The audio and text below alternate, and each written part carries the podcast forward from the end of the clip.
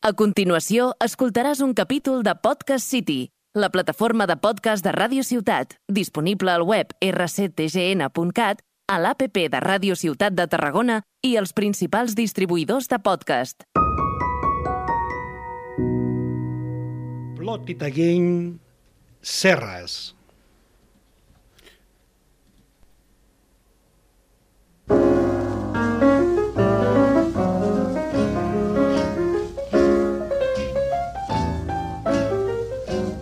Hola, muy buenos días a todos. Bienvenidos a Plot It Again Serras, el podcast que probablemente nadie escucha, donde este par de guionistas hablarán de las vicisitudes de la senda dura de la creación.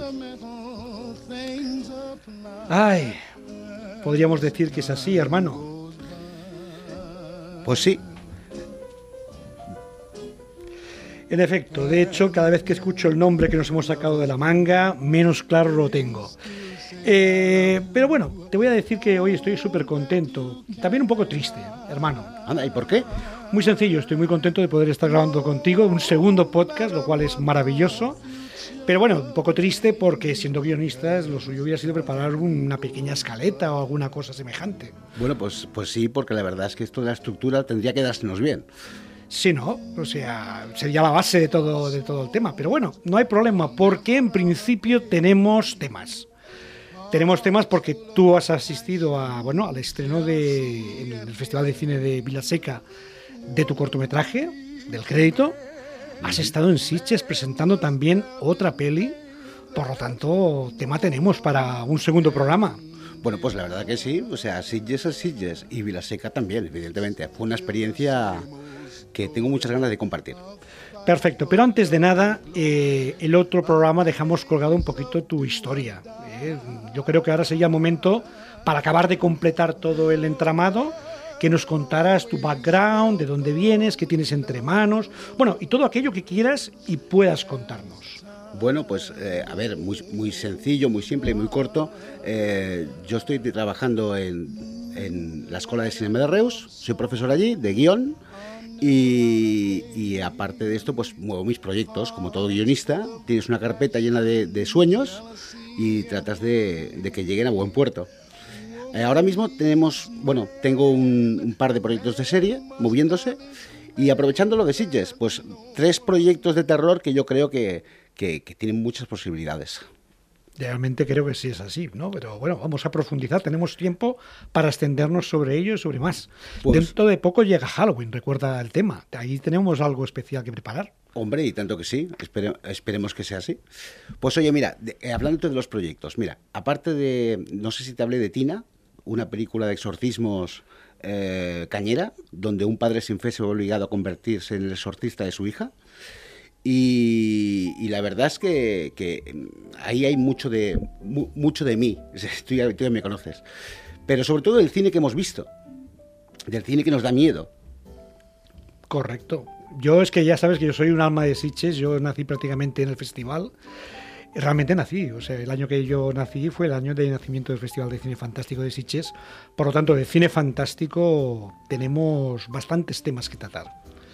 La verdad sea dicha, eh, bueno, ¿la presentación tuya ya ha quedado aquí ya cumplimentada o iremos extendiéndonos más adelante? Pues sí, esperemos a Halloween, ¿no? Esperaremos a Halloween.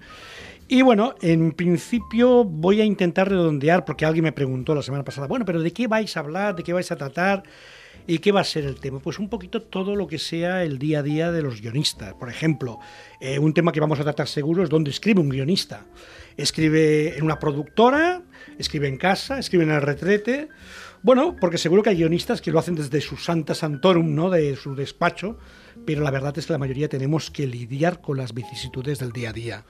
Eh, ¿Se puede escribir en casa, hermano? Es, es toda pues una cuestión. Pues te voy a contar mis inicios cuando por fin lo dejé todo. Mm, tiré a, la, tiré, tiré a la basura mi cotidianidad, mis rutinas y dije, voy a escribir, voy a ser guionista, pero a tiempo completo. Y lo primero que hice fue irme al puerto deportivo Dije, qué mejor lugar, las olas del mar, una terracita, me llevo mi portátil y allí me concentro y me pongo a escribir como un loco. El resultado, eh, no sabía una mierda, o sea, perdón, pero Cuidado, eh, cuidado con ese vocabulario. bueno, pero es que es así, terracita sí, un sol impresionante y la pantalla que no se veía. Con lo cual, yo recomiendo que nos busquemos un lugar donde estemos cómodos, donde no nos tengamos que distraer más de lo necesario y, sobre todo que puedas ver la pantalla. Efectivamente, porque en esas vicisitudes cotidianas que tenemos en el día a día, nos han llevado hasta este podcast que, bueno, tratará de ser una especie de cuaderno de bitácora de nuestra navegación diaria y, como no podría ser de otra forma, de nuestra procrastinación. Bueno, un tema, ¿eh? Un tema. La procrastinación siempre es un tema, pero lo cierto es que, bueno, no somos Billy Wilder, no, tal vez no somos Azcona, pero nuestro objetivo es ganarnos la vida con nuestras historias, con algo que nos gusta hacer, sin duda, escribir. Eh, un dinero que aparte nos ha de dar esa libertad para cada día, pero qué difícil que es ganarse la vida con el mundo del guion. Bueno, yo, yo no creo que sea realmente difícil. Si Mm. estás trabajando, o sea, las historias, los guionistas lo que hacemos es contar historias. Mira, te voy a contar lo que ocurrió en Vilasica. Narra, nar- nárralo, nárralo. En Vilasica tuve la fortuna, el FICBI. Josep Baró eh, tiene un festival maravilloso en Vilaseca Doy fe de ello, ¿eh? y tuve la oportunidad de por vez primera eh, llegar a la meta. O sea, lo que es, tú construyes un guion, una partitura para profesionales, ellos aportan todo lo que tienen y el resultado es toda esa gente que está en la, en- en la sala viendo lo que tú has escrito y lo que ellos han construido. Entonces, ese trabajo en equipo, no hay placer mayor que estar sentado en esa misma sala y ver la reacción de la gente. Bueno, imagino siempre que sea buena, ¿no? Pero yo tuve la fortuna en el crédito, un cortometraje que trabajé eh, dirigido por Alex Escudero, que produce mi buen amigo Daniel Villanueva, desde la ECIR, desde la Escuela de Cinema de Reus. Exalumno nuestro. Eh, exactamente, exalumno nuestro de guion. Y que mm, quisieron intervenir y, eh, bueno, actores como eh, José Sacristán, Amaya Salamanca, Carles Vigorra, Grandes Y Manuel. Galeana. Sí, sí. y, y hicieron un gran trabajo. Y el resultado es estar escondido en esa oscuridad y escuchando las risas de la gente y el sufrimiento y viendo que- que- que funciona, que aquello que habías imaginado se ha convertido de verdad en una película. Y eso es maravilloso, es una experiencia maravillosa. Pues en efecto, esto va dirigido a todos aquellos que quieren iniciarse la escritura profesional como guionistas o para aquellos que ya están metidos en esta jungla, que sienten seguridad por conocer lo que otros están viviendo en los comienzos de este oficio. Eh, ¿Cómo lo están tramando estos mindundis de 3 al cuarto que son los serras? En fin, casi como un striptease casero, eh, aquí vamos a hacer esa sobreescritura de la que extraer pequeñas perlas acerca del guion, de la vida, que hemos aprendido viendo series, trabajando, escribiendo, extrayendo lecciones de las películas, de las series que nos gustan. Bueno, en definitiva, nos hemos venido aquí, hermano, a pasarlo bien, que me parece un magnífico propósito dadas las circunstancias. Pues sí, señor. O sea, al final, al final se trata de eso, de compartir la experiencia, hacer terapia radiofónica. Terapia, terapia radiofónica, nunca mejor dicho. Terapia podcast. Y bueno, de contarlo todo desde la humildad, ¿no? Eh, cómo lo hacemos nosotros, de quién aprendemos a mejorar, ¿no? Y bueno, un poquito todo el, el proceso, ¿no? Que, que- que ha de culminar en, bueno, hacer un, un guion, una historia y ver cómo vamos progresando o no. En fin, antes de entrar a Sitches a corazón abierto, yo te pregunto, oh gran hermano, este espacio lo vamos a hacer quincenal, ¿no? Vale, me parece bien. Pues vamos a por Sitches. Vale. Pues, pues qué contarte. Este año ha sido terrorífico. Qué miedo, qué miedo me das. Terrorífico y una aventura porque esta vez he ido allí como industria. Ah, Tremendo. Tenía una acreditación que así lo acreditaba. ¿vale? industria, palabras mayores. Ahí está. Y entonces, eh, pues nada, allí me fui a contactar con productores, eh, contactar con actores, contactar con colegas, eh, asistir a todas las charlas que podía. Y, y en ese intento, de terraza en terraza, porque además muchas horas muertas tomando café, por cierto, qué café y qué precio. Qué miedo, qué miedo. Sí, sí, sí. Qué horror. Eso era un susto. El primer susto te lo daban en cafetería. Y, y bueno, la verdad es que eh, Ángel Sala tiene un festival maravilloso. Ángel Sala, que desde aquí le envío recuerdos, tiempos aquellos en los que hacíamos colas en el Festival de Sitges. Y veníamos, íbamos como, como asistentes. Pero bueno, ahí- eso es una larga historia que a lo mejor más adelante saldrá. Tiempos aquellos. Vaya. ¿Tú te acuerdas, David? ¿Tú te acuerdas Seguro que me acuerdo. cuando fui con Daniel Villanueva a Sitges con un guion bajo el brazo? Me acuerdo. La mano de Dios. Era aquella historia de aquel sacerdote con poderes sobrenaturales que se dedica, era el número, el James Bond de los exorcistas. Madre de Dios, Iván. Me acabas de traer grandes recuerdos. Sí, sí. Al final será un programa de morriña, ¿eh? Bueno, desde entonces, eh, eh, pues sigo teniendo esa, ese amor por los canapés, porque claro, mm, éramos los únicos guionistas en la sala de ventas. Todo lo demás eran compras de películas ya hechas, entonces nosotros, nosotros íbamos con 100 páginas bajo el brazo a- para enseñárselos a todo el mundo. Como tiene que ser. Y como Con es un par de guiones. Sí, y lo que daban era canapés. Siempre son canapés. Siempre, eso siempre está bien. Ahora ya no, Y eso se ha acabado. se ha acabado.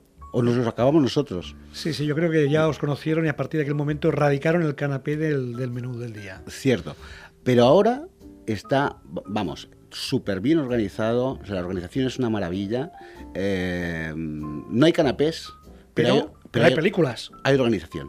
Y hay organización, vale. Pero hay películas, ¿no? Sí, uh, sí.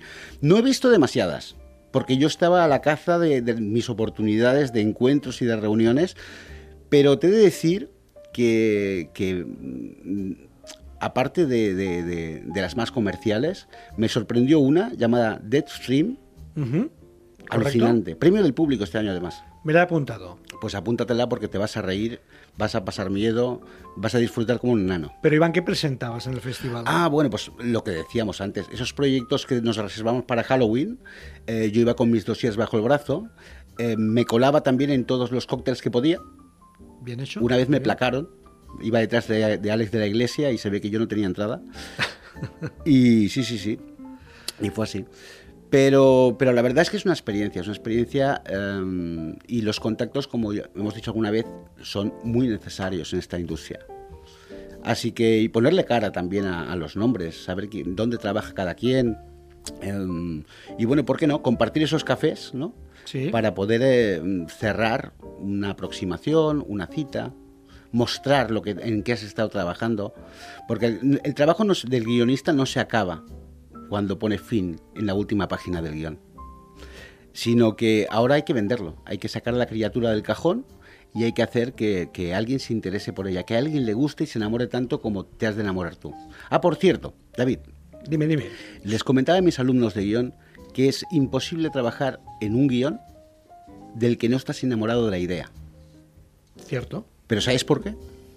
Bueno, eh, dame la respuesta tú. Pues porque durante ese proceso de escritura vas a acabar odiándolo. Entonces, si no empezamos queriéndolo, no va a tener buen final. Exactamente. Me gusta, me gusta la respuesta. Bueno, pues Sitges es maravilloso. Aparte de, de todo lo que ya conoces, porque tú eres, como has dicho antes, hijo de Sitges, ¿no? Sí, sí, directamente. Yo me considero tal. O sea, parte de mi biblioteca es todos los catálogos del festival. Maravillosamente. Por cierto, te agradezco el, el- el catálogo que fue devorado por mis perros. Ah, Sí, es cierto. Por lo tanto, necesitaré un segundo catálogo. Si lo tienes, te lo agradeceré. Luego lo hablamos. Sí, pero bueno, de todas maneras, pienso que hemos hablado de, cositas. Esto es simplemente como un calentamiento a lo que ha de venir en este programa. Y bueno, mm, yo me pregunto, porque tú no has dormido hoy, ¿no? Iván, tú este programa lo estás haciendo insomne, ¿no? Pues sí, bueno, circunstancias, pero con muchas ganas, ¿eh? Bueno, bueno, yo lo he visto que estabas despierto, yo te observaba. Te invitaré a café cuando dejemos los micrófonos en su sitio aquí en Radio Ciudad de Tarragona, Podcast City. Perfecto. Y bueno, ya sabemos de qué va, hemos presentado, hemos completado tu, tu background, ¿no? tu conocimiento, hemos hablado del Festival de Cine Vilaseca.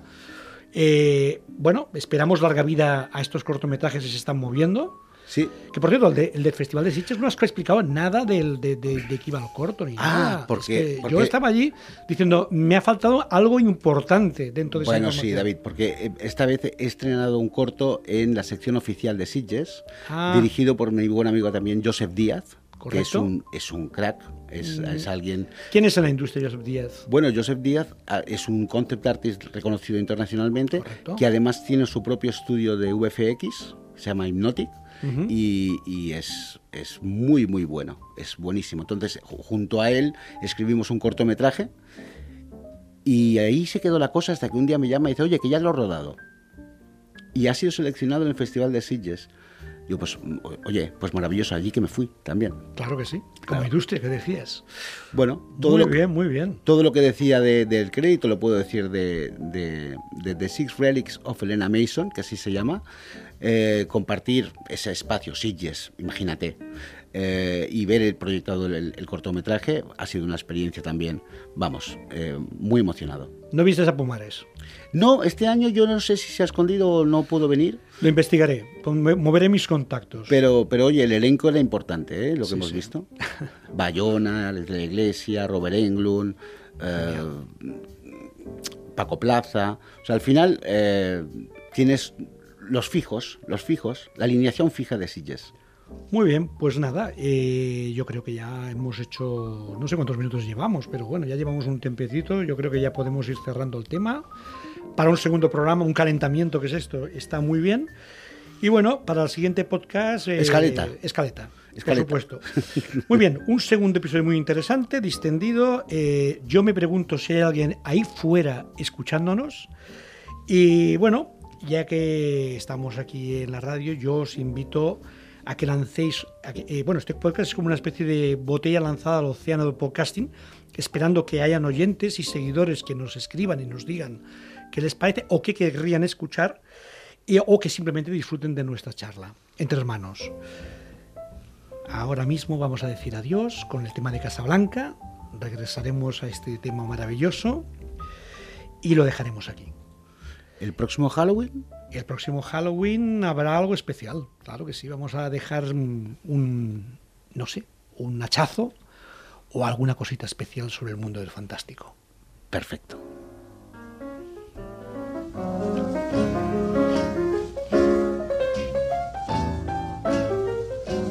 You must remember this. A kiss is still a kiss. A sigh is just a sigh. The fundamental things apply. Has escoltat un capítol de Podcast City, la plataforma de podcast de Ràdio Ciutat, disponible al web rctgn.cat, a l'APP de Ràdio Ciutat de Tarragona i els principals distribuïdors de podcast.